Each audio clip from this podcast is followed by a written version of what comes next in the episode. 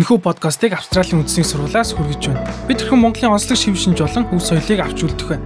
Австралийн хамгийн шилдэг сургуулах Австралийн үндэсний сургуулиас монгол хэлний хичээлийг онлайнаар санал болгож байна. Монгол хэлийг суралцсан таны ирээдүйн ажил болон цаашлаад суралцах боломжуудыг нээх болно. Бид бүх төвчний оюутнууд зориулсан монгол хэлний хичээлүүдийг хүссэн газраасаа суралцах боломжийг олгож байна. Энэхүү хичээлийн жилийн бүртгэл 2019 оны 2 сарын 20-нд дуусна.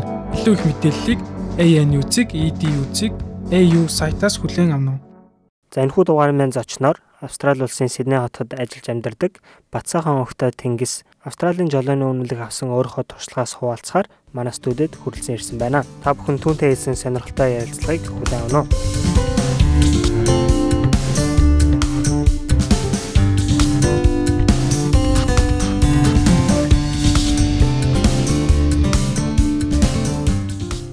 За тэнгисээ сайн уу? Сайн байна уу? Ажлаа таарчаад манай студид манай урилгыг хүлээж авч одоо хүрэлцэн ирсэнд баярлалаа. За уурж оролцуулж байгаад баярлалаа. 2-7 хоногийн өмнө Австрали дахь жолооныхоо үнэлэхийг одоо амжилттай авсан байгаа тий. За баяр хүргэе. За баярлалаа. Аа зөндөө олон шалгалтууд өгсөн баг тий. Ямархуу шат дараалтай байдаг талаар манай сонсогч нарт ярьж өгөөч. За тэгье. Аа миний хувьд бол Монголоос анх ирэхдээ ямар нэгэн байдлаар жолооны өмнөлөх байгаагүй. Тийм учраас энд ирээд заавал бүгдийг эхнээс нь эхлэхээр болсон л доо. Тэгээд анх ирээд нөгөө нэг эсрэг урсгалтай болохлээр жоохон сандрах тэ гайхах зүйл их байсан. Эндхийн жолооны өмнөлөх авах процесс нь болохоор бүр 16 наснаас эхэлдэг. А миний хувьд болохоор 25 нас давцсан байсан болохоор нэг шат алгасаж авсан. Ер нь бол 16 нас хүрсэн хүн бол жолооны дөрмийн шалгалт өгөөд тэгээд L өмнөх буюу learner license авах хэрэгтэй байдаг. Тухайн өмнөлийг авсны дараа 120 цаг заавал жолоо барьсан байх шаардлагатай. А тухайн жолоог барихтаа машиныг барьж явахдаа хажуудаа заавал бүрэн үнэлгээтэй хүн суулгах хэрэгтэй. Эцгийнх нь нэг ч юм уу өөр хэм байдгийг те. А миний хувьд болохоор тэрийг хийгээгүй Ягаад гэвэл 25 наснаас дээш учраас би шууд жолооныхоо дөрмийн шалгалтыг өгөөд эхлээд learner license авсан. Тэгээд тэрийг авчаад нэгэнт би энчээ Австралид машин барьж үзээгүй болохоор ямар нэгэн байдлаар надад машин шууд бариад явхад их хэцүү байсан л да. Тэгээд миний хувьд болохоор эхлээд энтхийн жолооны хичээл заадаг тийм багш байдаг. Аа ер нь бол дүүрэг болгонд л байдаг. Аа тэгээд тухайн үед амьдарч исэн дүүргийнхаа жолооны тийм сургууль сургуулийн багшийг олоод тухайн багш дээр нэг 7 хоногдоо нэг нэг л цаг хичээл авч исэн. Тэгээд үндсэндээ нэг 17 хоног авсны дараа ер нь бол машин барих энтхийн замын хөдөлгөөний дүрм ямар байдаг, замын зам замын хөдөлгөөнд оролцож байгаа жолооч нар ямар хуу одоо дэг жаягтай оролцдог гих мэдчлэн юмнуудыг мэдэж авсан. Ер нь би одоо юу гэдэг дахиж цаашаа авах гэж байгаа жолооны үнэлгээ авах гэж байгаа хүмүүс ч гэсэн хандаж хэлэхэд ер нь тухайн тийм одоо жолооны багштай нэг хитэн цаг авчихад их зүгээр гэж хэлмээр байна. Ягаад тэгэхээр тухайн багш чинь болохоор яг чамайг шалгад өгөх өдөр чинь яг юун дээр анхаарах ёстой, ямар жижиг сажиг үйлдэлүүдийг хийх ёстой толгоогоо одоо эргүүлж харах ямар нөхцөл толио шалгах гих мэтчлэн айгүй одоо миний хувьд тэгэхэд айгүй үн цэнтэй тиймэрхүү зөвлөмжүүдийг өгж исэн. А тухайн зөвлөмжүүдийн яг шалгалт өгөх өдрөө ашиглаад тэгээд хамгийн ихний одоо шалгалт одоо яг жолооны шалгалтыг уу манайхаар бол хотын жолоог өгөөд а тэгээд улаан өнгийн P буюу provisional travel license гэдэг үнэлгийг авч исэн. Улаан өнгийн P-ний дараа болохоор а ногоон өнгийн P байдаг. А ногоон өнгийн P-г авахд бол ерөнхийдөө хамгийн доод тал нь 12 сар улаан өнгийн P-тэй машин барьсан байх шаардлагатай, замын хөдөлгөөнд оролцсон байх шаардлагатай хэрвээ одоо юу гэдэг нь тухайн хүн хүсвэл цаашаагаад улаан өнгийн пиктэйгээ хичнээн жил явж болно. Хэрвээ өөрөө хүсээд ногоон өнгийн пик авъя гэж бодох юм бол компьютер дээр суурилсан шалгалтыг өгөх ёстой. А тухайн шалгалт болохоор гинтийн аюул осод болоход хэрхэн ямар одоо нэг React үзүүлэх вэ гэдгийг асуудаг. Тийм асуултууд байдаг. А тэгээ яг тухайн шалгалтыг өгч явахад бол ерөнхийдөө яг тийм замын хөдөлгөөний тийм орчныг дүрсэлсэн видео үзүүлээд яг энэ нөхцөл та ямар арга хэмжээ авах вэ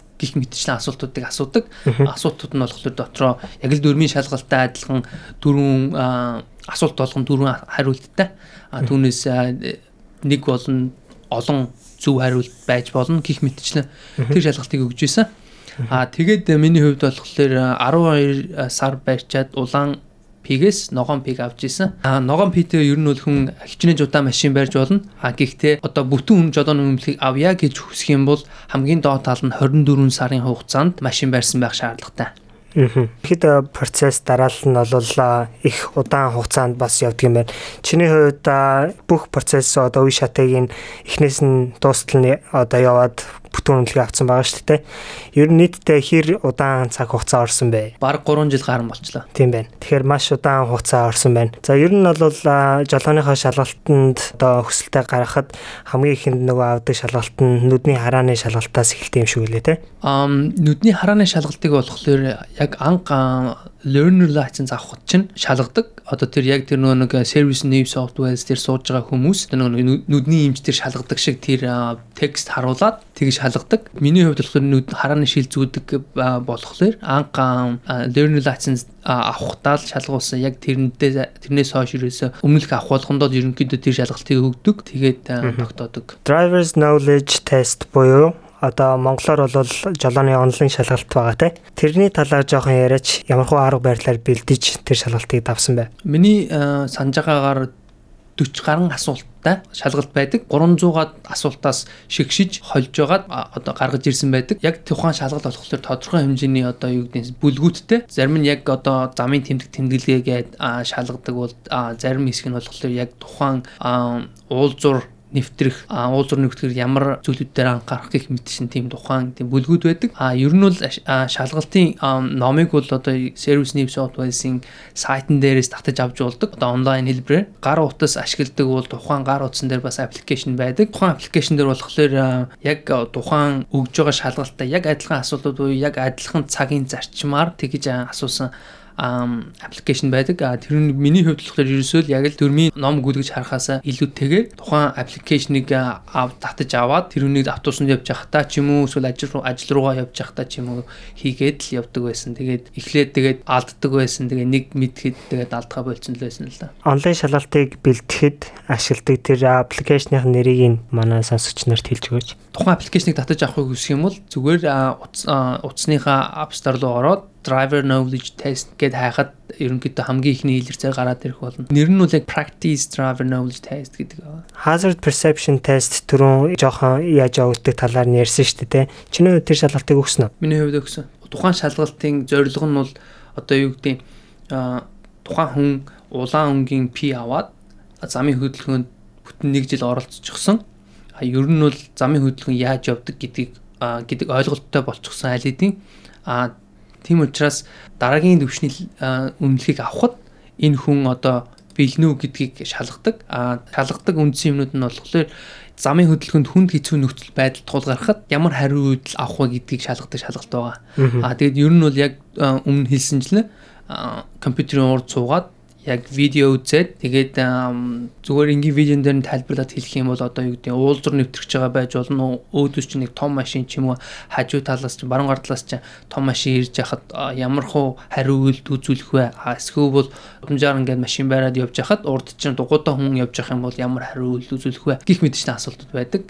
Монголд болохоор жолооны багш нар танхимын сургалт явагддаг тий танхимын сургалтанд оруулж байгаа хүмүүсийг сууж байгаа дүрм их заадаг. Дром гэж байдаг Тэгээ хотын жолоо гэж байдаг. А энд болохоор ямар нэгэн байдлаар дром гэдэг юм бол байхгүй.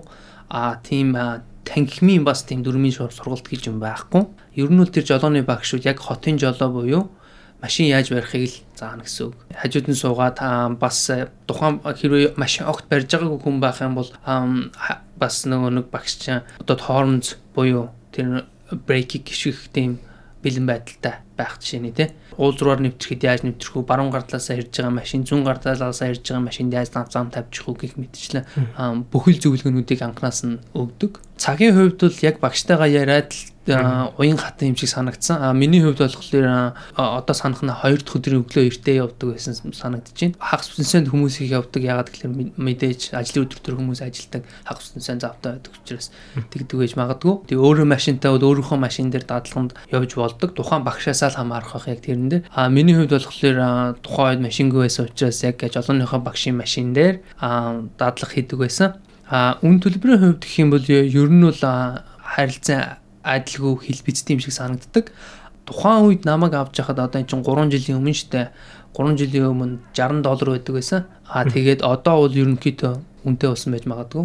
Улаан P дараа ногоон P тэгээд дараа нь full license авдаг team шат дараалтай юм те. Улаан пиг 1 жил, улаан пигээс ногоон пиг хүртэл 1 жил, а ногоон пигээс бүрэн license буюу full license хүртэл болохоор 2 жил байх хэрэгтэй байдаг. Тэгэхээр яг 3 жил болж байгаа юм байна те. Монголоос одоо жишээлбэл Монголынхаа үнэлэхтэй ирж байгаа хүмүүс арай хэлбэр одоо эсвэл богино хугацаанд Австралийн жолооны үнэлэхийг авах боломжтой байдаг те. Тэр нөхцөлийг нь яаж бүрдүүлдэг? Ер нь а, анх ирээд хэрвээ Монголын Монголын жолооны өмнөлттэй бол анх ирээд шууд миний өгсөн тэр нэг улаан рүү орох шалгалтыг өгөөд л хэрвээ тэр нь тэнцэх юм шууд бүтэн жолооны өмнөлт өгдөг юм шиг санагддаг. А гэхдээ яг бас бүтэн жолооны өмнөлт эсвэл пиг өгөхгүйг нь бас Монголын жолооны өмнөлтийг бас хизээ авснаас нь шалтгаалдаг юм шиг санагддаг. Ер нь бол Монголын жолооны өмнөлттэй энд ирсэн бол улаан пиг авах өгсөн шалгалтыг өгөөд авах боломжтой.